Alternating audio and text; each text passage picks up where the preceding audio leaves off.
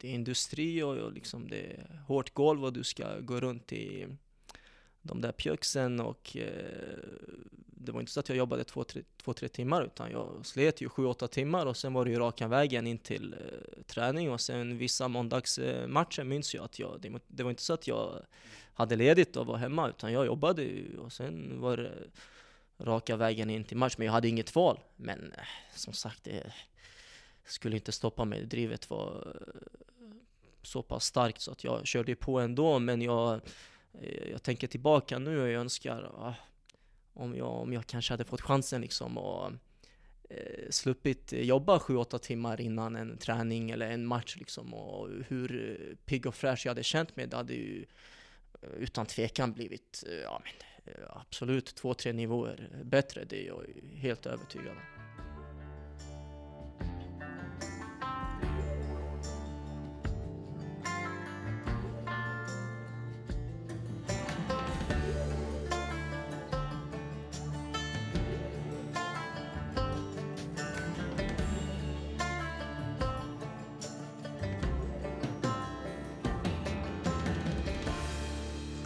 Då var det dags för ett nytt avsnitt av Uppför bågebacken. Äntligen!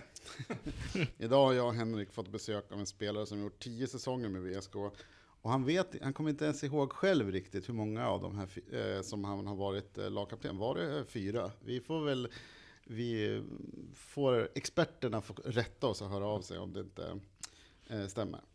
Eh, fyra av dem som lagkapten. Idag hälsar vi ingen mindre än Boris Gevar. Välkommen till podden. Tack så mycket, kul att vara här. Ja, kul att du ville komma. Ja, absolut, herregud. Ingen snack om saken. Har du jobbat idag? Eh, nej, i, den här veckan är jag pappaledig. Mm, så jag är hemma med min eh, dotter. Så är det första? Det är första. Eh, hon är 16 månader, så det har varit eh, full fart. ja, härligt. Då, jag minns när jag gick på första föräldraledigheten och Första dagen åkte jag till Mediamarkt eh, och, och, köpte en kaffebryggare och en eh, dator. Jag trodde liksom att jag skulle börja dricka kaffe och sitta med min dator. Det var jävligt misslyckat. Det är inte så dina dagar ser ut heller? Ja, absolut inte. Det är full fart, men det är kul. Ja. Är det någon försäsongsträning då? Uh, jag försöker hålla igång på gym och sen blir det en hel del paddel faktiskt, som mm. alla andra. Har du någon eh, partner i padden som du kör med hela tiden? Eller uh, ja, jag har en som jag kör ganska mycket med. Men sen gillar jag att spela med andra också. Det blir, det blir ro, roligt det också. Så jag, men är du free agent? Letar du klubb eller hur är det? Uh, jag har faktiskt inte bestämt mig än om jag ska fortsätta spela. Uh, jag vet inte riktigt. Förra året så spelade jag i, i Eskilstuna, ett division 3-lag. Eh, dit även eh, Karvan och Florén kom. Så det blev ju, så det blev ju riktigt skoj när de kom. Eh, men sen samtidigt så måste man ju pendla och nu med dottern och jag vet inte riktigt om jag har motivationen. Men den kanske kommer, jag vet inte. Jag har inte bestämt mig än. Men det kan bli så att jag spelar eller så kan det bli så att jag lägger ner också. Okej. Okay. Ja, jag skrev ju till Markstedt på Facebook att om han värvade dig och uh, Kojar till IFK så skulle jag skaffa säsongskort. Men jag ångrade mig lite efteråt. att, här, ja. Ja, men han har, ju, han har ju fått dit några riktigt fina ja. spelare. Mm. Du är inte sugen att göra deras, deras projekt då? Nej, jag blir mer sugen att gå till ett annat division 4-lag och förstöra lite för dem. Mer så tänker jag, annars blir det ju... Blir det jag tänker nu att det blir ju lite för lätt för dem. Ja, så hör ni det alla någon... tränare och spelare som vill sabba för Ring, ring IFK. mig. Ja, men där märker man ändå VSK-generna, liksom, att de vill förstöra för elefanterna. Ja, det är roligt. Ja, men Boris, du har ju en... Eh, väldigt lång karriär i grönvitt och egentligen kanske skulle varit Erik Niva som satt här med When We Were Kings och körde fyra timmars eh, eh, avsnitt. Men nu är det jag och Henrik som tagit oss an det här och vi kanske har ungefär en timme på oss, i alla fall är det planerat. Så, eh, men jag tycker ändå trots det att vi, vi går så långt tillbaka som att vi börjar i, i Hallstahammar. Mm. Är det okej? Okay? Jag tänkte höra så här, hur länge var det du bodde i, i Hallsta? Vi kom till Halsta sommaren 94 från Bosnien. Eller från Tyskland var det. Vi, mm. vi försökte, försökte få stanna i Tyskland eftersom eh, vi hade ganska mycket släkt där. Men mm. när vi inte fick så var, så var Sverige ett eh, alternativ, vilket jag tackar Gud varje dag för. Mm. Eh, så att 94, sommaren kom vi dit och sen bodde jag i Hallsta tills jag blev eh, 16 tror jag. Och sen gick jag över till, eh, i samband med eh, när, jag skulle byta, när jag skulle börja gymnasium så började jag på Vänströmska och samtidigt Okej. så fick jag mitt A-lagskontrakt i VSK. Så att eh, Mm. då fick jag en lägenhet där vid Aros pizzeria. Just det. Jag tog över eh, hans, vad heter han, Sjö, han vänsterbacken. Anders, Anders- Sjö. Och hans lägenhet tog jag över minns jag. Eh, så att där eh, bodde jag från 16 och tre, fyra år framåt innan jag bytte lägenhet igen. Han fick lov att flytta för han fick ju utnämnelsen eh, 2004 års fulaste frisyr i Superettan eller något sånt där. Så kanske var därför han fick gå. Ja, men han var skön kommer jag ihåg, riktigt Ja. skön. Ja, ja. Men eh, i den här podden har vi snackat en hel del om eh, fotbollsfarsor och din pappa Nico verkar ju vara någonting utöver det vanliga i den eh, kategorin. Vad har han betytt för dig eh, i din karriär?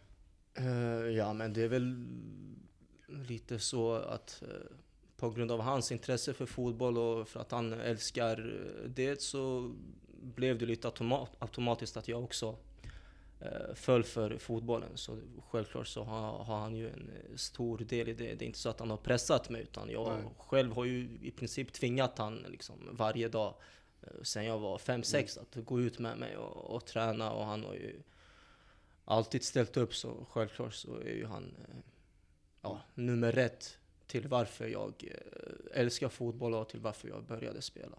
Mm. Men är det så att man behöver ha en eh, ordentlig backning från föräldrar för att det här ska fungera? Liksom, som fotbollsproffs i de första åren, eller? Ja, så det, det, jag tror att det underlättar helt klart, men sen tror jag också att det är, för vissa så tror jag att det underlättar också om vissa föräldrar inte lägger sig i allt för mycket. Om de bara får sköta sitt och bara köra på. Så det är lite individuellt tror jag.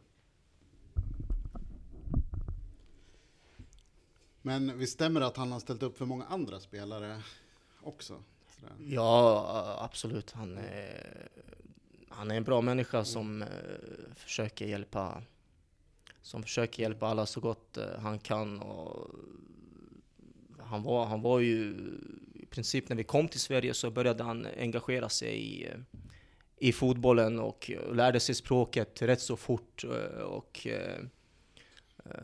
så att, ja nej, han har, han har hjälpt ganska många och ställt upp, och bland annat Karvan också som han tog hand om ganska mycket också.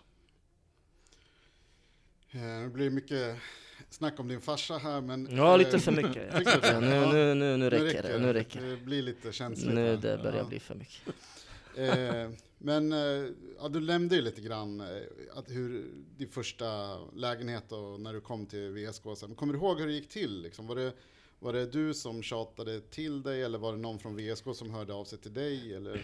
Nej, men jag minns ju där när, när man var 13, 14, 15 i samband med eh, länslagen eh, och Mm. ungdomslandslagen. Och just i de åren så var jag ju bland de bästa i, i Sverige. Mm. Så var det ju. Och då var det ju ja, men i princip hela Sverige som, eh, som ville ha mig.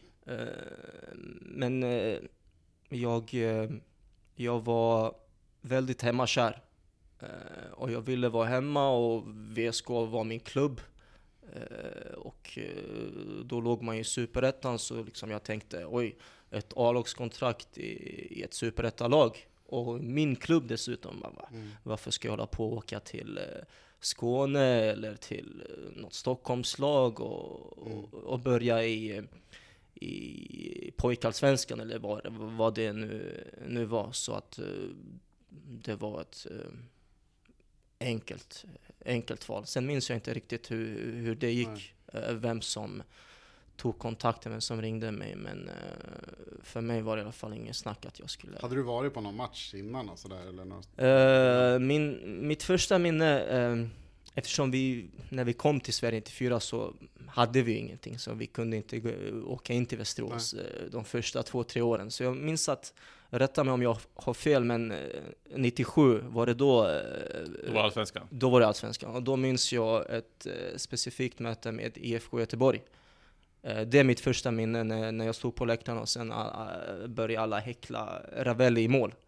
Och det är mitt första starka minne. Med, det var min första match och det är det, det jag minns. Så 97 var jag för första gången på Arosvallen och sen ja, men när, när vi började komma till rätta i, i Sverige och vi kunde liksom eh, eh, mamma fick ett jobb, pappa fick ett jobb och eh, ekonomin började liksom eh, bli okej och vi kunde göra fler saker och då och då, helt ärligt så missade inte jag och farsan många matcher. Eh, så att vi, nummer ett var att åka in och kolla på VSK, sen det andra, Mm. det, det får, så morsan var inte så jäkla glad, men det var som det var.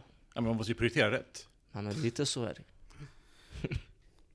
Men hur mycket kommer du ihåg av den där första, din första tid i VSK? För du var ju borta och så kom du tillbaka. Men vad kommer du ihåg den här första tiden? Första egentligen? tiden, jag minns än idag min första träning och jag har påpekat det just för den här killen ett antal gånger och den killen är Johan Svensson. Jag tänkte eh, Ja. som jag eh, avgudar idag. Men just efter den första träningen så var det lite sådär, för jag kommer ihåg Ja, eftersom jag spelar på mitten och han spelar på mitten så Johan han är ju som han är, han tänker Vad ska du komma hit och... Så jag trodde ju att jag var ju så jäkla duktig, jag skulle liksom ta emot bollen och börja dribbla. Så då, då kom det en armbåge Mm. från Johan. Och jag kommer ihåg, oj, vad, vad är det här? Jag var inte liksom van med det liksom från mina ungdomsår. Utan, eh, så det var en eh, väckarklocka för mig, okej nu, nu, nu är det på allvar. Eh, så det, det är mitt första starka minne att eh, oj, nu, nu är det verkligen på allvar och jag måste, jag måste steppa upp. Har du hållit på själv sådär mot juniorer som kommer upp underifrån? Att en extra armbåge eller? Ah, nej, inte, inte riktigt eh, en armbåge så, men visst har jag försökt vara på dem lite extra eftersom jag själv vet vilka fel jag gjorde och vilka fel jag har gjort och varför det egentligen inte ja, blev så mycket av min karriär egentligen. För jag ville ju till toppen, det, det väl drömmer väl eh, alla kidsen om. Eh, Så jag vet ju exakt vilka fel jag gjorde och sen när jag ser att eh, de beter sig lite som jag gjorde, då, då, då brinner det inom mig och då måste jag säga det till dem, men inte med en armbåge utan jag försöker, jag försöker prata med dem. Men vad är det för fel då som du känner att du har gjort? Oj, det, det, det är ganska många fel. Eh, jag... Eh, eh, först och främst, livet, livet utanför planen var en ren katastrof. Det måste jag, eller det har jag erkänt för mig själv. Det liksom, jag kan inte sitta här och skylla på någon annan, utan det är jag som... På planen fram tills jag var ja, 16-17 så var det inga problem, då klarar man sig. Men sen när du, kommer, när du börjar komma upp i de åren, då måste du börja ta hand om din kropp och eh, fysen och vad du äter och vad du dricker. Jag menar, jag, jag åt ju kebab och pizza eh, varannan dag och drack eh, en liter cola va- varje dag.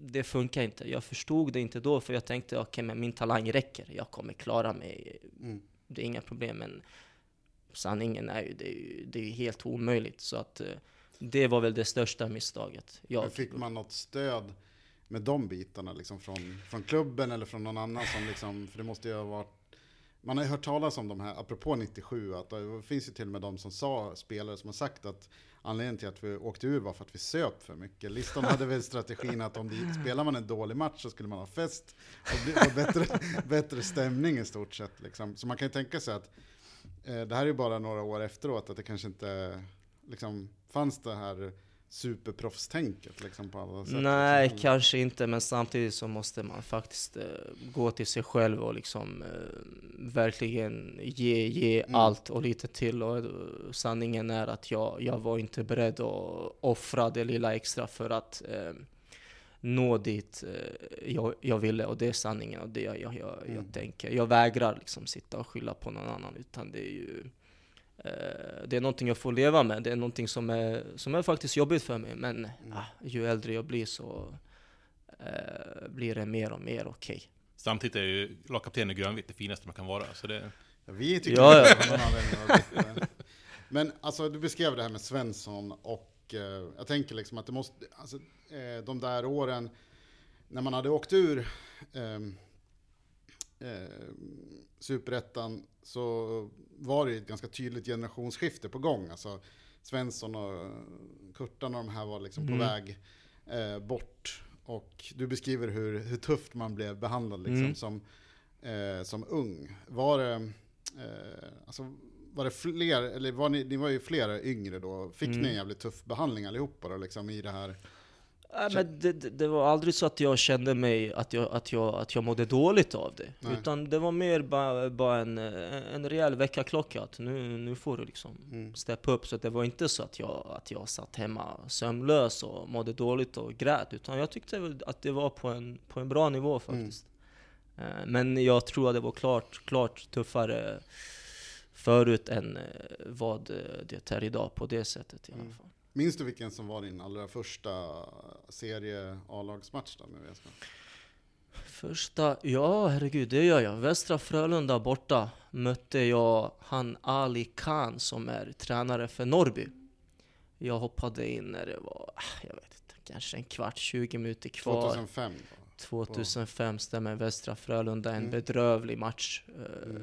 Men jag fick eh, hoppa in eh, och göra några minuter och jag minns än idag hur stort det var för mig och fast, eh, fast det, var, det var väldigt eh, dåligt år för, för alla och eh, just den matchen var, var, var bedrövlig. Så minns jag ändå att grabbarna var, var glada för min skull. Så att jag, jag var ju glad den dagen men ja det var ingen bra match, eller ja, det var inget bra år heller, tyvärr. Nej, det var det inte. Det var ju tre tränarpar och liksom allt. eh, Ja, det var en, möjligt. det var en Eh, katastrof, Så var tyvärr. det. Men vi, alltså, det kanske, om det där var din första match då på Ru- Rudalen, eh, Mm. rest in peace, Ja. eh, skönt att det så mm, hittade vi också att så här, en av, det måste kanske varit din tredje match eller något sånt där, andra eller tredje, så var det ju AIK borta på Råsunda. är det ett fint minne? Eh, Både och. Ja. Det var, visst, springa ut på Råsunda, eh, man har ju varit där och sett landskamper, så det var ju bara eh, en stor grej så, men sen, som sagt, eh, det andra, det var ju, ja, det var Minns inget vad bra. Som, vad hände då? Ja, jag minns helt klart jag fixade en straff tyvärr till eh, AIK. Jag, eh, även om det var rätt så, rätt så billigt tror jag. Det var på... Enligt eh, liksom, protokollet så blir det inbytt i 86 minuten. 86.40 så är det straff. Alltså, så tidigt? Så det är 40 sekunder efter det blev inbytt. Wow, det är bra gjort, Ja. eller? Vi trodde ett tag att det var din första match, men Ja, det, stämmer. ja, det finns dåligt med information om... Ja, Ja, precis. det, var, det hade varit katastrof. Men ja, jag minns att jag eh, drog Gabriel Petrovic lite i tröjan. Det var, han la sig lite billigt, men visst. Vi hade ju till och med en AIK-are som tränare då, så det vi skyller på. va? Ja, just det, det hade vi. Det hade. Men, eh, ja, eh, men sen så var det ju de här åren 2006-2008 då VSK liksom på något sätt var topplag i division 1, men supportrar och klubben och alla förväntade sig ju liksom att vi skulle ta steget tillbaka. Och det var väl lite, stundtals lite frustrerat och galet så här. Och du var ju fortfarande superung, finnig kille i VSK. Mm. Vad, kom, hur kände du, upplevde du den där pressen? Eller vad tänkte du då? Ja, nej, det, det jag minns det är att vi, att vi hade ett bra, bra lag som skulle upp. Och visst kände jag pressen och det gjorde framförallt de äldre. Men eh, jag vet inte riktigt varför det, varför det inte gick. fanns ändå rätt bra lag med i serien då minns jag. Det var tufft. Och jag tror kanske någonstans att vi, att spelargruppen trodde att det skulle, att det skulle gå lite av sig självt. Och riktigt så funkar det inte. Det spelar ingen roll vilken serie du än ställer upp i. Du kan inte lägga ut skorna och tro bara för att om man, spelar, om man tittar liksom på pappret, spelare för spelare, okej med det här. Men eh, tyvärr så funkar det inte och jag tycker, om jag minns rätt så var det, vi kände oss lite för säkra. Eh, och eh, tyvärr så, så funkade det inte. Eh, nu spelar ju också de här, den, du var ju med en roligare match kanske. En, eh, Råsunda var ju i sådana fall sen, eh, du var med och spelade sista matchen på, på Arosvallen och utgjorde inne mittfältet med Titus Molama. Eh, Okej. var det, vad heter det? Kommer du ihåg någonting om hur det kändes att få en ny arena och komma till parken? Tyckte man liksom, blev det inte bättre eller tyckte ni att det var ett, lyft uppåt eller? Nej, jag minns att jag, jag tyckte inte om det. Nej. Eftersom Arosvallen, det var liksom, för mig var det, var det wow. Eh, och sen minns jag när vi väl kom till, till parken så kände jag bara nej, nej vad, vad, vad, vad är det här för något? Ska vi, ska vi gå från Arosvallen till, till detta? Eh, så, nej, jag, jag tyckte inte om det alls men eh, vad ska man göra? Det, det var bara uh, köra på. Och sen den matchen vi pratade om, den minns jag faktiskt inte. Jag minns Titus mycket väl. Mm. Och att han var helt fantastisk. han var sjukt, sjukt bra. Men just den matchen, men vilken match var det? Var det har du? Ja, det har jag inte skrivit upp, Nej, bara det är för mycket i huvudet just Okej, nu. Men jag spelade i alla fall sista matchen på Mm. Arosvallen. Är Okej, det. ja men det, det, det hade jag ingen aning Det är stort. Det är Mm. stort för mig. Ehm, precis. Eh, ja, den som var argast där för arenabytet var ju eh, Wallert i alla fall, som fick åka tillbaka och tvätta matchtröjorna på Arosvallen för att det inte fanns fungerande tvättmaskiner i början. Eh, men i, du spelade ju inte så jättelänge där, eller ja, för VSK, men i juni 2008 lämnade du VSK Mm. och går till Syrianska Mm. en sväng. Eh, det, den perioden får du ta upp i en annan podd. Eh, Ja, och sen så tänker jag på, för sen när du ska göra comeback i Grönvitt så har du en korsbandsskada som sätter stopp för din karriär. Alltså hur nära var det att den skadan satte stopp för din karriär helt och hållet? Det var tre korsbandsskador Ja. innan jag kom tillbaka till VSK. Ehm, och det var, det var lite synd eftersom att eh, i den vevan i 2010 i Syrianska, eh, när VSK tog steget upp och vi kom, jag tror det var tre eller fyra Mm. med Syrianska. Någonstans där bestämde jag mig, ehm, eh, där som jag pratade om innan, med livet utanför fotbollen, att du, du kan inte spela om du inte sköter dig. Och satsa ordentligt? Ja, jag, jag kommer ihåg att innan den säsongen så lovade jag mig själv, nej men nu Boris, nu, nu kör vi. Det Hur ingen- gammal var du då? Då var jag 22 eller något sånt där. 20, ja något sånt. 20, 21, 22. Ja. Ehm, jag bestämde mig där att nej, men nu, nu kör jag på riktigt. Nu sköter jag mig, jag tar hand om fysen, jag går till gymmet i princip varje dag, bygger upp mig och eh, Eh, jag ger det här en ärlig chans. Eh, och 2010 eh, började jag riktigt bra. Eh, och jag kände mig stark liksom. Och, eh, vi hade ett bra lag och vi slogs med där uppe i toppen med, med VSK och sen minns jag inte riktigt vilka de andra eh, lagen var. Men jag kände mig pigg och jag kände att nu börjar det hända något. Nu liksom, eh, fysen och allt det där kombinerat med min eh, talang så, så kan det bli bra. Men sen så tyvärr i, där i september eh, så, så gick ju knät. Mm. Eh, och sen så försökte jag komma tillbaka och så gick det en gång till. Eh, och sen försökte jag en gång till och så gick den igen. Och då bestämde jag mig faktiskt att eh, nej, nu, det räcker nu. För att eh, alla vet som har haft eh, korsbandsskador, det är, det är ingen lek. Och har, har du haft det två, tre gånger så blir det ju det blir jätte, jättejobbigt. Och i samband med min operation så fick jag en propp även i, i Mm. benet. Så det var ju en, en, en tuff, tuff eh, period för mig. Så jag bestämde mig för att sluta faktiskt. Så jag hade ju slutat, men sen så Eh, Eh, men jag höll igång ändå liksom, för jag måste träna även om jag inte spelar fotboll. Så jag, jag var ju på gymmet och körde på och sen eh, minns jag att eh, Erik var tränare tror jag, Erik Akar. Eh, jag vet inte hur vi kom fram till, men han bad mig bara, men kom ner en träning och, och testa. Men jag kände bara, nej, men nej, jag kan inte, kan inte komma och skämma ut mig liksom. Det, ska jag komma dit så vill jag ändå, och jag känner nog jag är slut. Men jag vet att jag gick dit ändå, bara för att, ja. eh, Jag var tvungen. Jag, kunde, jag, jag ville bara se, finns det något kvar? Och så började jag träna första veckan, andra veckan och det gick bättre och bättre. Och jag kände okej, men det, knät verkar hålla. Eh, så att till slut så kom vi överens, men vi kör eh, säsongen ut. Testa liksom. Så jag gjorde inte många matcher, men jag var med och tränade och byggde upp mig och fick tillbaka känslan och sådär. Eh, samtidigt så eh, försökte jag bygga, bygga upp fysen så, så mycket som möjligt och stärka upp knät. Eh, så att, eh, ja, och sen dess har jag ju, blev jag kvar.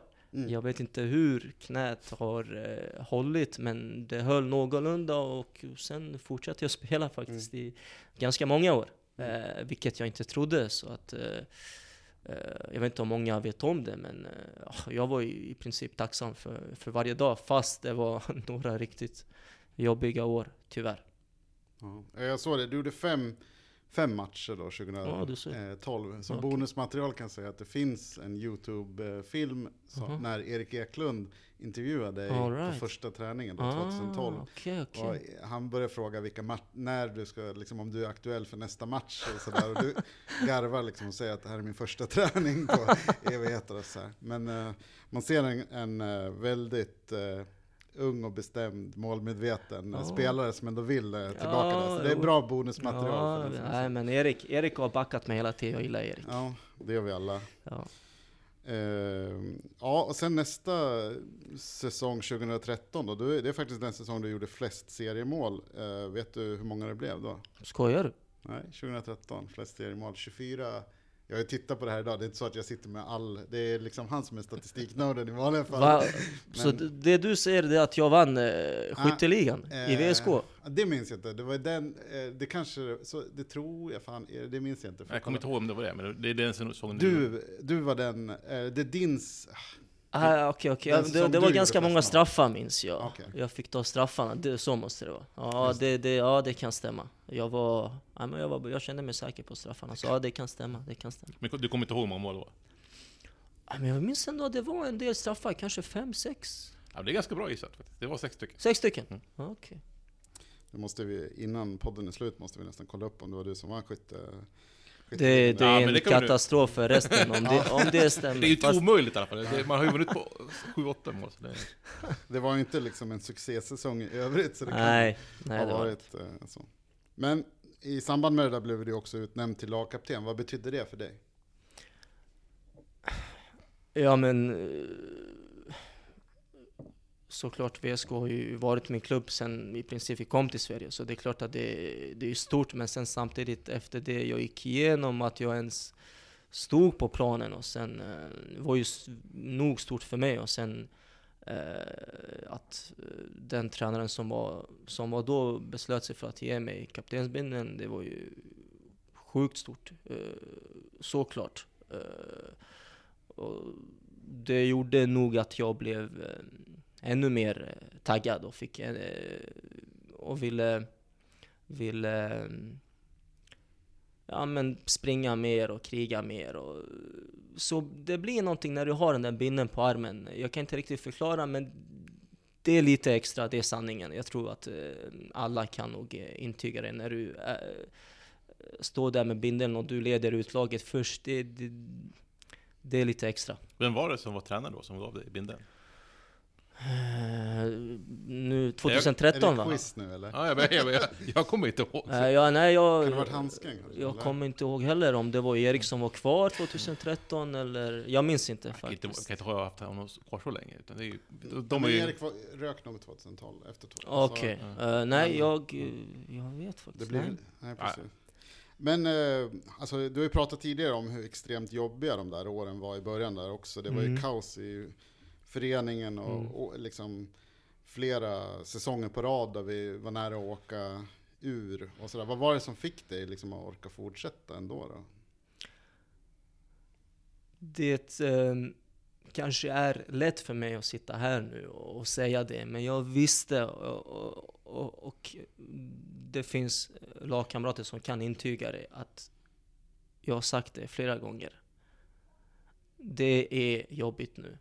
Det, vi mår dåligt och jag pratade ganska mycket med mig själv också efter träningar, efter matcher när, när, det gick som, när det gick som sämst. Och, eh, man mådde ju kast, så är det, det är ju sanningen. Inte bara ni som supportrar utan ni ska även veta att eh, man mår jäkligt dåligt som spelare också. Eh, men jag sa till mig själv, håll ut, kriga, jag lovar dig, en dag så kommer vi vinna den här serien. Och vi kommer vara i Superettan och det kommer bli bra. ge inte upp. Och det, det eh, präntade jag in i min skalle varje dag. Speciellt efter en eh, usel träning eller eh, ett uselt resultat. Ge inte upp, kör på, det kommer vända, jag lovar. Och ja, som sagt, det är lätt för mig att säga det nu, men det är sanningen. Utan eh, jag eh, vägrade ge mig. Det, så är det. Var det så att det var många som behövde den där sparken i arslet eller på träningen eller i omklädningsrummet och liksom peppen på något sätt då för att hålla uppe? Liksom. Ja, absolut. Det var... Ja, jag minns det var, det var några riktigt, riktigt eh, jobbiga perioder och alltså, du, du, det, det hjälper inte om efter ett uselt resultat och om eh, man får eh, skit kastat på sig, vilket man eh, även ska få. Men alltså, vad, vad är det jag ska göra? Ska jag gå hem och gråta och inte dyka upp nästa träning? Mm. Eller ska jag gå dit nästa träning och bara försöka göra det bättre? Alltså, jag vet att det, att det, det hjälper inte liksom, och, och, mm, framförallt för supportrar att ni, vilket jag ser idag, liksom att folk eh, skriver ett helt A4 och ber om ursäkt efter en match. Ja men skit i det liksom. Gå till din träning och gör ditt jobb och försök göra det bättre. Jag menar alltså, det hjälper inte om jag går fram till läktaren och ber er om ursäkt och förlåt, förlåt, förlåt. Det som hjälper er är att jag eh, går hem, tänker över vad jag gjorde för fel och sen går jag tillbaka nästa träning och bara gnuggar på. Det kommer ju hjälpa oss alla, Ing, ingenting annat. Så det var... Men visst, det, det, det, var, det var jobbigt och eh, visst så funderade man, nej fan ska man, ska man eh, lägga ner det här? Men i slutändan så, så kör, kör, körde jag på. Yes. Det är vi glada för. Drömhösten 2015 då lever ju kvar i mångas minne som eh, lite som en kanske symbol för vändningen eller Mm. någonting. Klubben lyckades värva in Karvan, Filip och massa andra som kom in och Ja. hjälpte. Tack Gud för det. Ja. Tack Gud för dem. Nu, nu till den uppmuntrande frågan när vi ändå är nere i hålet. Är så här, vad tror du hade hänt om klubben inte hade klarat kontraktet eh, då? Om man hade åkt ur eh, division 1? Oh, eh, ja, det, ja, jag vet inte. Ingen hade, vet. Hade, tror jag, kändes det som att Stod du där och kände att så här, då skiter jag i det här? Eller liksom att du skulle ha gett upp? Eller liksom, Ja, ja ja, nej, jag, ja, ja, tyvärr så hade jag nog inte varit stark nog till att eh, börja om i tvåan och, och då hade jag nog eh, tackat för mig och eh, så får någon annan eh, kliva in och ta över. Nej, då hade det nog eh, helt ärligt eh, varit eh, kört. Och då kan jag ju tänka att om du säger så, vem Ja. fan hade varit kvar då? Ja, herregud. Ja, okej, vi släpper det. Tänk aldrig den tanken igen. Nej. Ja, men efter det här så det var ju någon slags vändpunkt efter drömhösten. Det väng- vände för klubben. Inte bara Vigge-pengarna kom, men, allt Mm. så här, men vi fick ju in Johan Mjällby som eh, tog över laget. Liksom. Hur Mm. var han som tränare? Ja, Johan han var...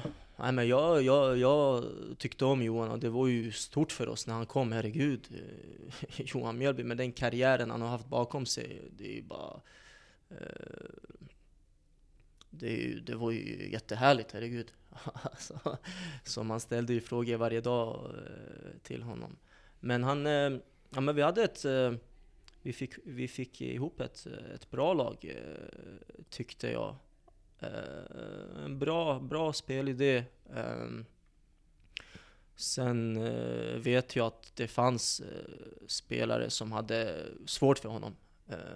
För han, han kunde vara ja, men väldigt rak och hård och sen kanske lite när han väl hade bestämt sig ehm, för en spelare om hans ehm, kvaliteter så var det så. Det var svårt för honom att ändra sig. Så jag vet att det var, det var några spelare som hade svårt för hans eh, ledarskap. Men ehm, eh, för mig, jag, jag tyckte om han. Eh, men så är det, jag fick ju stort förtroende. Det är lätt för mig att, Mm. att säga det. Eh, tror man måste fråga alla andra också vad, vad man tyckte. Men för mig så, så var det stort och eh, han gav mig stort förtroende. Och jag, jag tyckte om han. Men ja, tyvärr så lyckades vi inte gå upp eh, med honom. Det här var ju samtidigt också när Vigge-pengarna började, man började prata om det och att det började Mm. trilla in pengar på kontot och sådana Mm. Hur mycket tänkte ni som Ja, spelare? jag såg ing, inget av de pengarna i alla fall. Men kul de, är att de... inte, de är inte kul- på ditt bankkonto. Kul att de, de är inte på mitt, men kul att eh, de, är, ja, de kom i alla fall. Men var det mycket snack om det? Liksom, eller? Ja, men det var det, men lite mer så här på skoj. Mm. Att man skämtar till det i omklädningsrummet, men ingen sådär så att man, eh, att man fokuserade på i, i truppen eller att någon... Eh, så nej, mer på skoj bara. Vi hade ju två år där med Johan Mjällby. Mm. Vad var det som gjorde att vi inte gick upp? Ja, det är, det är en bra fråga. Ehm, eh, nej, men det, vi, var, vi var tyvärr inte... Vi var inte redo, vi var inte tillräckligt bra helt enkelt. Jag minns inte vilka som gick upp det året, men eh, jag minns klart och tydligt att det var, eh, det, det var ett par lag som var betydligt bättre än oss. Mm. Eh, både tekniskt och fysiskt. Och, ehm, så jag kände aldrig riktigt att vi, att vi var nära, helt ärligt. Så Mm. det var inget, inget snack. Sen varför, ja, nu minns jag inte riktigt alla detaljerna till varför, men eh, jag minns att känslan var, nej, vi, vi, vi är inte där än. Mm. Eh, sen kom ju 2018 där, så kom ju Torane Fredheim. Mm. Eh, det började satsas spelare Mm. som kom in så här. Laget vann de sex första matcherna, allting kändes jättebra. Nu, nu Mm. blir det vårt år. Sen blev det sommar, så sparkade vi helt plötsligt Taff. Vad, vad var det som hände där egentligen? Eh, ja, nu, nu vet jag inte eh, riktigt hur mycket jag ska eh, prata om det, men det jag kan säga det är att jag stod bakom beslutet. Eh, och det skäms jag inte för att eh, säga. Eh,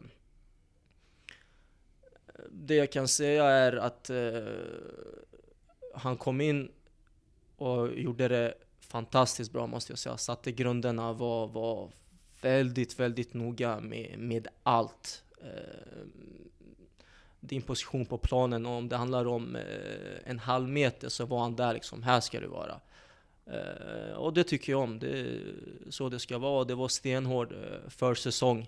Ehm, så att vi var väl förberedda fysiskt och vi hade en klar spelidé så att det kändes, kändes fantastiskt bra och eh, det måste man ge honom. Han, han satte grunden eh, och det ska han ha all cred för.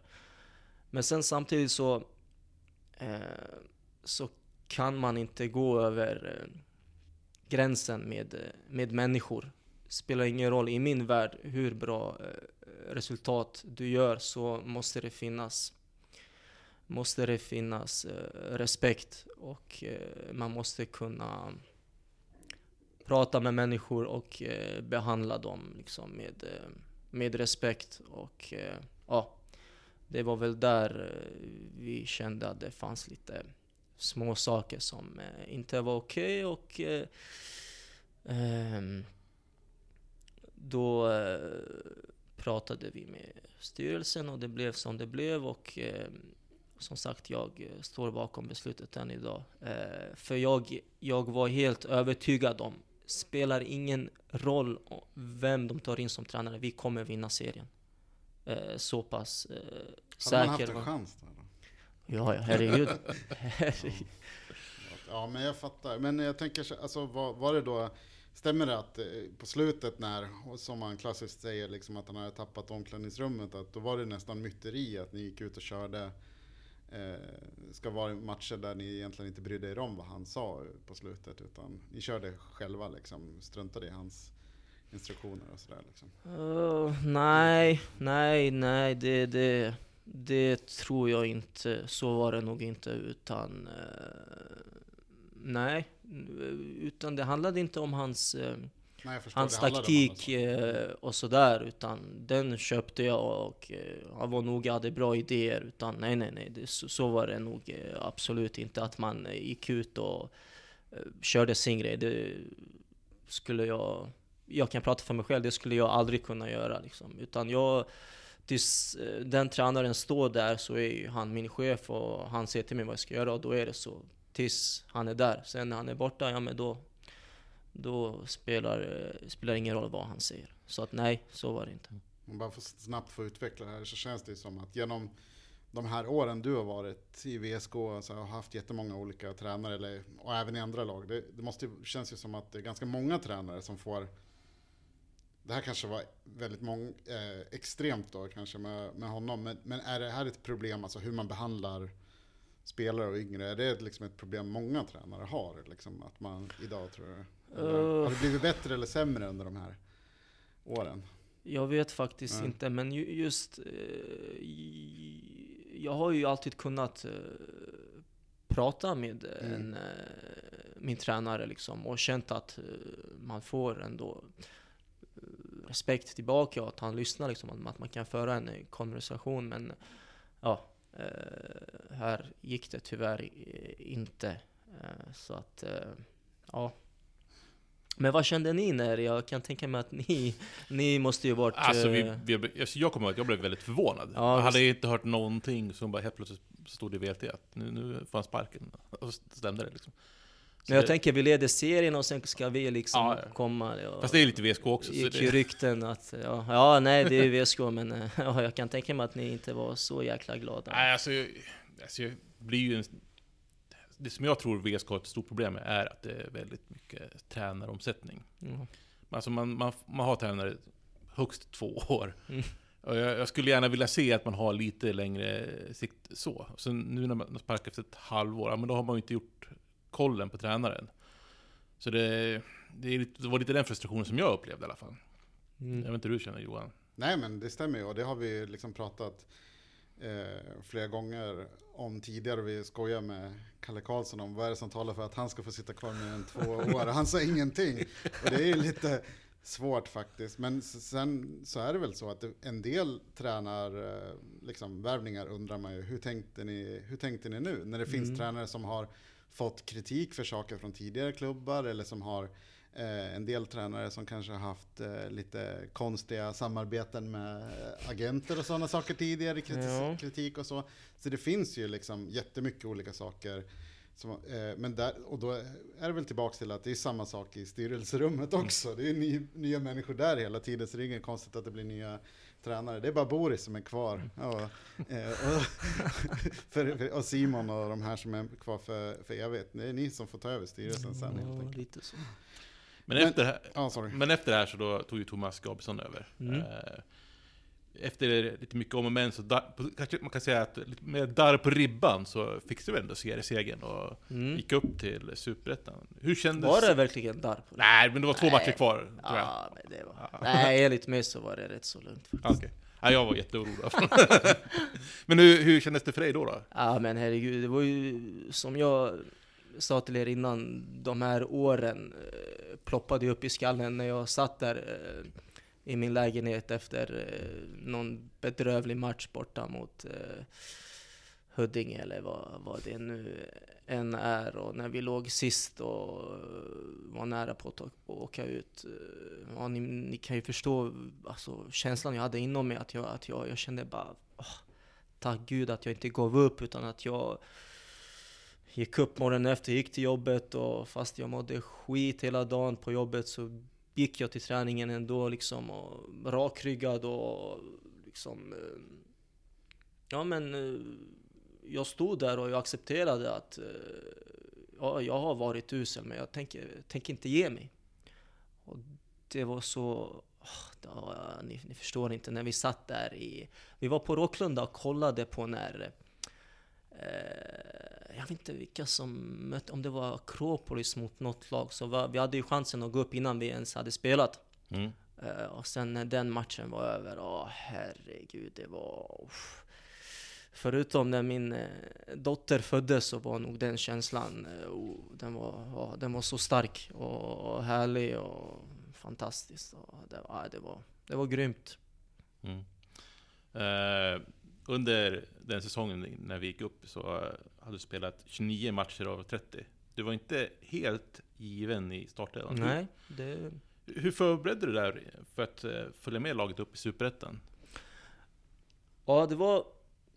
Det var eh, massa, massa eh, frågetecken i min skalle. Framförallt vi skulle, vi skulle upp en serie och nu är det på riktigt. Och jag, jag jobbade ju 100% och jag måste jobba för att, för att överleva. För att så bra lön hade jag inte och som sagt de bigge pengarna kom aldrig till mig. Är det Så för jag- jävligt egentligen? Det är för jävligt. Eh, men så är det. Mm. Eh, så jag var ju tvungen att jobba och eh, det var lite snack när vi skulle träna, om det var på morgonen eller om det var fortsatt på eftermiddagarna. Så att, eh, men, eh, nej men först och främst så var jag ju, det var ingen snack om att jag, jag, jag, jag, måste, jag måste vara kvar, jag måste spela. Jag hade ju kontrakt också, Mm. så det var ju, det var ju okej. Okay. men eh, det var, det var tufft, eh, måste jag erkänna, för att jag gick upp klockan 5.30, jobbade från 6 till eh, 1, halv 2 och sen var det raka vägen till träning. Och nu pratar vi ändå elitnivå, så att men drivet och, var så starkt och jag, det, det fanns inget som skulle stoppa mig från att spela i Superettan med VSK igen, herregud. Så det var ju men det var, det var väldigt, väldigt tufft måste jag säga fysiskt och, och mentalt. Vissa träningar och vi, vissa matcher också. För att det var ju några nivåer upp och allt blev ju mycket bättre och snabbare. Och träningarna blev tuffare och lagen vi mötte var ju mycket, mycket bättre. Så att, eh, men eh, jag lyckades ändå göra ganska många, många starter och kände att jag bidrog eh, med helt okej prestationer. Så att eh, med mina förutsättningar så är jag faktiskt mer än nöjd med, eh, med den säsongen. Ja, vi kollade det här inför podden och du, du spelade 25 av 30 matcher den Mm. säsongen. Och hade någon sagt till mig att eh, Boris skulle spela 25 av 30 Mm. matcher i Superettan Mm. första året. Jag skulle, jag, ing, ta inte illa upp, Nej, nej, jag upp här, men ja, man, är- man blir ändå lite förvånad. Ja, absolut. Så, och jag skulle nog kunna säga mig att det var nog kanske din bästa säsong i den grönvita tröjan dessutom. Mm, ja, ja, det är mycket möjligt.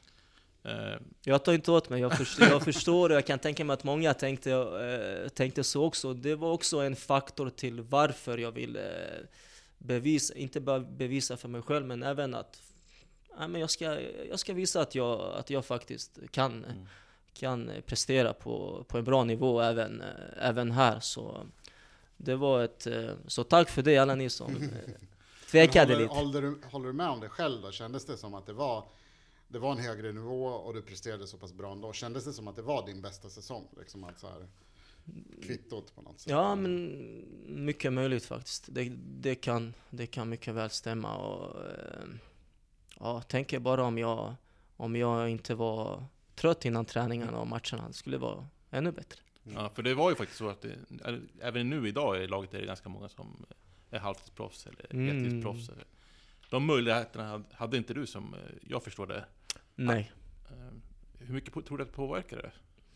Ja, men tänker själva, nu jobbar jag, eh, jag jobbar på Kantal i Hallstahammar. Det, är- det är industri och liksom det är hårt golv och du ska gå runt i de där pjöksen och det var inte så att jag jobbade två, tre, två, tre timmar utan jag slet ju sju, åtta timmar och sen var det ju raka vägen in till eh, träning och sen vissa måndagsmatcher minns jag att jag, det, var- det var inte så att jag Mm. hade ledigt och var hemma utan jag jobbade ju och sen var det raka vägen in till match. Men jag hade inget val. Men eh, som sagt, det skulle inte stoppa mig. Drivet var eh, så pass starkt så att jag körde på ändå. Men jag, eh, jag tänker tillbaka nu och jag önskar ah, om, jag, om jag kanske hade fått chansen liksom och eh, sluppit jobba 7-8 timmar innan en träning eller en match liksom. Och hur eh, pigg och fräsch jag hade känt mig, det hade ju eh, utan tvekan blivit eh, ja, men, absolut två, tre nivåer bättre. Det är jag ju helt övertygad om. Men tyvärr så fick jag inte den chansen. Fick du någon förklaring när du inte fick förlängt? Nej. Va, Sa de ingenting då? Eller det var hur? Nej men... Jag, jag, jag har kommit över det här men sanningen är att jag... Det är bara min sambo som vet egentligen hur, måligt jag, hur dåligt jag, har- jag har mött, eh, mått efter att eh, jag fick klart för mig att det inte att jag inte skulle få vara kvar. Men eh, sanningen är, och det vet även de personerna, jag vill inte nämna några namn, det är onödigt, men jag blev lovad ett, ett kontrakt. Ehm, och det skulle skickas till mig och jag skulle ja, men gå, igenom, gå igenom det lite snabbt och sen ehm, skulle vi köra på och eh, känslan då var ju helt fantastisk och då var det redan klart att vi skulle träna på morgnarna säsongen efter. Så att, eh, och jag, eh, ja, men jag hade i princip redan pratat med min chef och det var ju okej. Okay. Jag skulle kunna få jobba liksom, några timmar här och där. Jag skulle klara mig. För jag, eh, jag ville ge mig en, en ärlig chans till att ja, men göra en ordentlig, ordentlig satsning nu eh, detta år med eh, full fokus på träning och återhämtning och bara liksom spela fotboll. För jag kände, okej okay, om jag gjorde en sån säsong med med en inte så, ja men exakt så, fan jag kände okej, okay, alltså det kan, med en ordentlig försäsong och eh, jag kommer vara pigg, piggare och fräsch i hjärnan och det kommer bli riktigt bra. Och det var därför, eh, sen när de helt plötsligt, eh, ja men, tog tillbaka mm. kontraktet och det, det var därför det gjorde eh, mer ont än vad det kanske skulle göra om de tog in mig direkt och förklarade för mig, ja men eh, Boris, bla bla bla, vi, vi känner så här att vi vill satsa på andra, vi känner att du inte håller här och där. Ja men herregud, det är ju okej, vad ska jag, jag kan inte tvinga någon liksom att mm. eh, och tycka om mig eller ha mig kvar, utan det är någonting man får acceptera. Men när det blev som det blev, då kände jag bara, varför gör ni så här? Det, jag har ändå varit här i 10-11 år och krigat och... Uh, ja, i min värld gör man inte så, men det blev som det blev. Hur har du behandlat, alltså du sa att du pratade med din eh, flickvän eller fru och, om det här liksom att... Uh, är det andra som du har pratat om det här? Liksom? Har, du har du bearbetat det här på något sätt?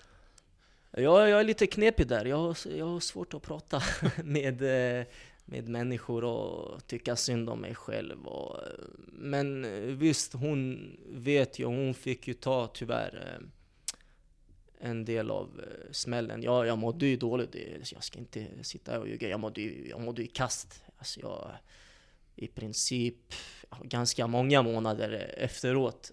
Så det tog ju ett bra tag innan jag ja, kunde släppa det. Och i samband med att min dotter kom eh, så underlättade det såklart och då fick mm. jag liksom något, något annat att tänka på. Men eh, nej, det var inte så att jag pratade med någon. Det var inte så att någon heller riktigt frågade mig mm. hur du mår och sådär. Utan jag, ja, jag var som vanlig, men innerst inne så mådde jag ju kast. Det är sanningen. Men har du fått tillbaks liksom, känslan och kärleken till att vilja spela fotboll då på något sätt nu? Du säger att du inte riktigt har bestämt dig och liksom så här, men känner du dig sugen ändå oavsett?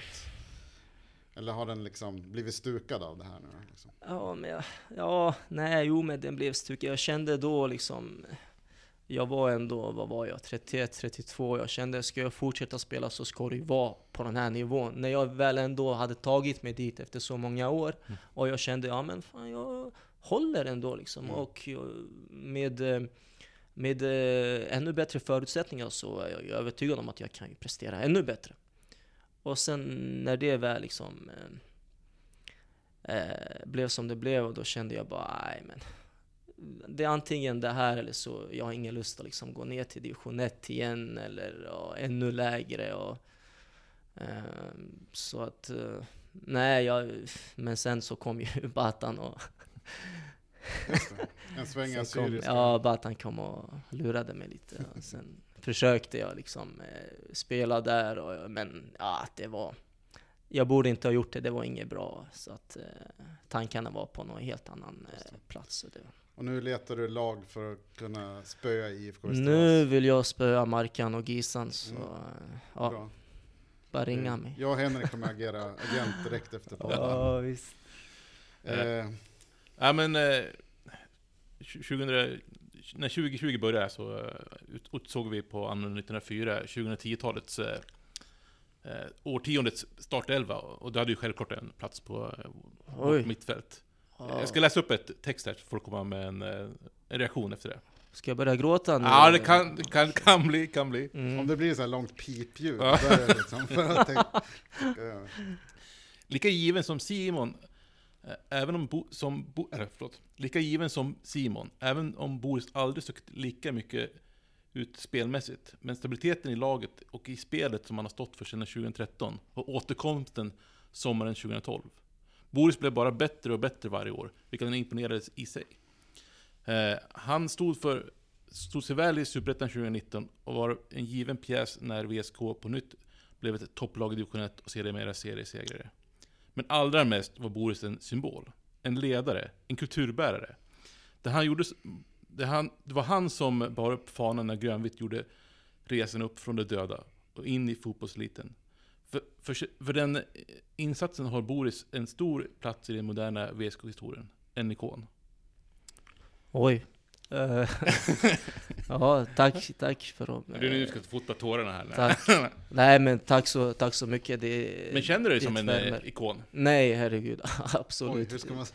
det, det, nej, för, det, för det när, när vi skulle, kan jag säga så här, när vi skulle leta efter gäster till den här podden, det är, några som alltid dyker upp så här, som vi ska Mm. ha. Liston dyker upp som Mm. nummer ett, och sen nummer två är Boris nej, nej, men det, nej, nej, nej, herregud. Nej, absolut. Det är svårt för mig och när jag, när jag hade, ja men jag minns mycket väl när man var ung och man hade eh, Johan Svensson och Botte och Eliasson och Thomas Andersson och Markan och som idoler. De är ju ikoner för mig och då är jag liksom svårt ska jag...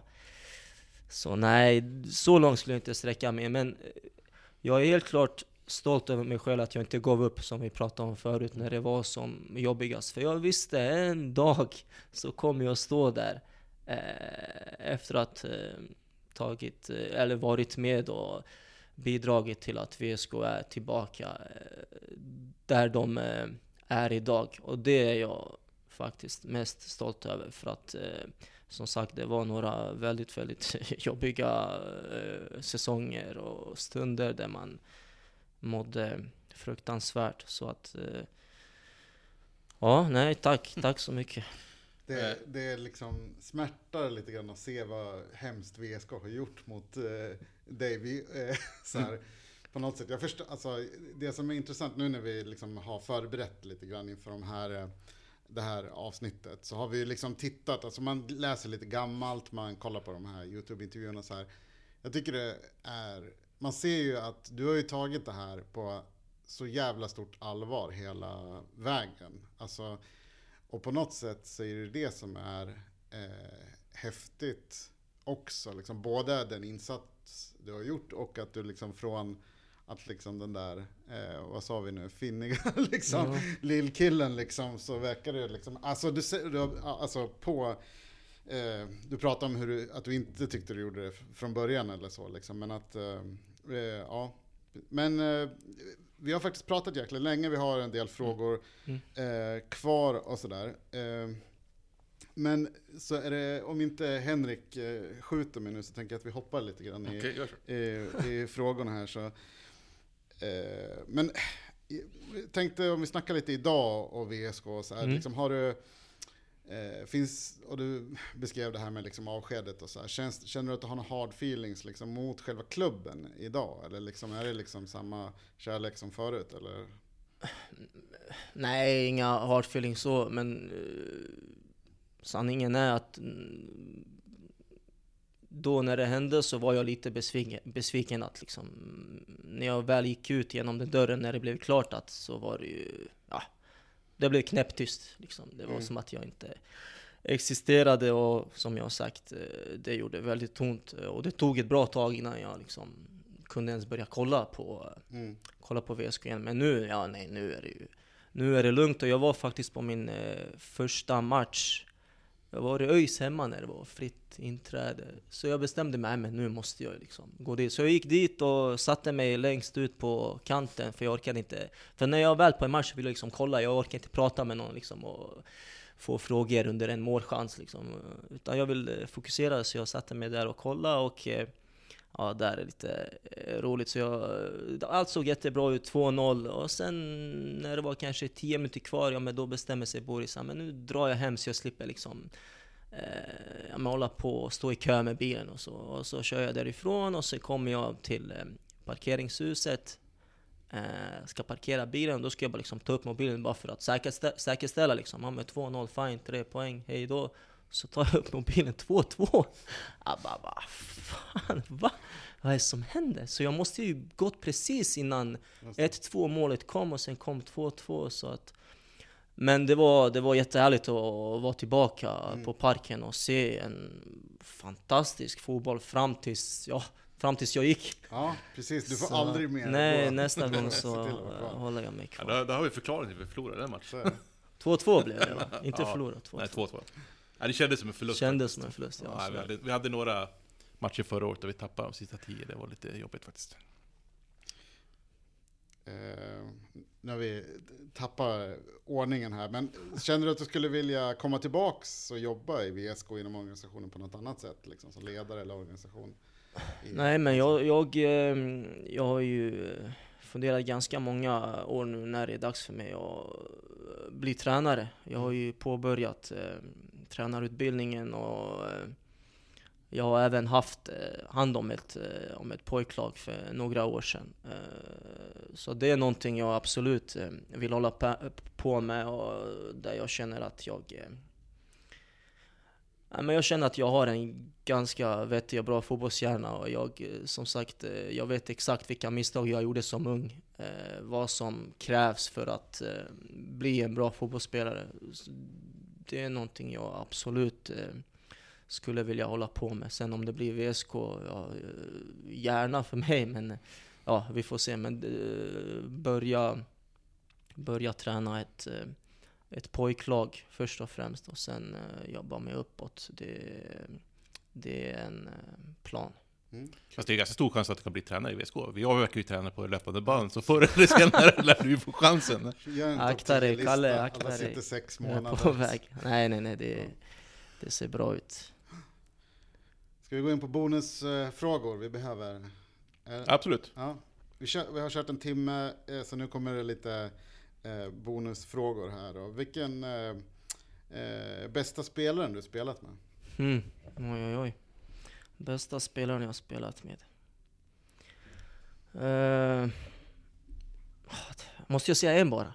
Vilka, kan jag rabbla upp några eller? Du Ah, får bestämma hur länge du Ja vill sitta men kvar. eh, när jag väl eh, kom där 2004-2005, när jag väl började träna så var ju Berra kvar i klubben, Mm. Stefan. Och han var ju fruktansvärt bra. Speciellt 2004 där, 2003 när han var helt galen. Sen visst Johan Svensson som var på min position där jag kunde se och lära mycket. Eh, sen har vi ju Temme, som jag helt ärligt trodde skulle nå ja, men nu, högsta, högsta nivån. Eh, tyvärr satte jag skador eh, Mm. och stopp för det. Och sen nu på senare tid så har vi ju Karre eh, som, eh, ja, jag förstår inte varför inte han spelar i VSK, men ja, det kan vi ta en annan kan dag. ha safari. Det är Caravan Safari, ja absolut. Eh, så där har du väl eh, några. Men eh, tränare då? Vilka är de bästa eller sämsta tränarna som du haft? Uh, sämsta tänker jag inte dra, Mm. det, det är onödigt. Det bästa? eh, nej men vi kan, eh, vi kan eh, ta en sån som Markan. Eh, han har ju kommit in några gånger när det har varit eh, jobbigt. Och det jag kan säga är när han, när han håller tal innan matcherna så, så är man ju beredd att gå ut och, amen, och döda. Så där har vi en tränare som är, som är väldigt bra på, på det han gör. Speciellt liksom att motivera spelare till att verkligen ge, ge allt och, eh, och lite, lite till. Kul. Ehm, finns det någon spelare som du under din karriär känt att du haft allra bäst kemi med? Liksom, att spela tillsammans med? Allra bäst kemi? Ja, eh, ja men det finns, det finns, eh, finns många. Eh, jag menar det året vi gick upp så var det ju så var det ju, var det ju fina spelare. Eh, jag menar, ja men Karvan hade vi ju. Tronet tyckte jag om att spela med framförallt för han var så han var så, så tydlig med sina löpningar så det var i princip bara liksom att lägga bollen på djupet så, eh, så är han där. Därför gör det ont, eh, ont för mig i mitt hjärta att se han liksom spela någon högerback eller vad han nu än är. Eh, Ja, han har kommit bort lite i vårt eh, nuvarande system. Det, ja, det, det är lite sorgligt faktiskt, men så är det. Ja, vilka... Eh, om vi skulle ta resten av våra frågor så skulle det liksom bli en... eh, Ja, en jag känner att jag är till lite för lång i mina svar. Nej, det är ju bra. Det var jättebra. Eh, Ursäkt. Absolut. Det här, eh, jag hoppas att även, eh, eh, och jag är övertygad om att även de som eh, lyssnar på podden är, tycker att det här har varit eh, bra, en bra eh, eh, timme. Vi har, ju lite, vi har ju lite trådar här att fortsätta nysta i. Jag tycker att en del av de här spelarna som du nämnde som bästa som du har spelat med, det är sådana som vi vill ha med eh, i podden, följa upp liksom, båda med Temme och Karvan och allt Mm. möjligt så här. Så det finns ju eh, jätteroligt och mycket att göra.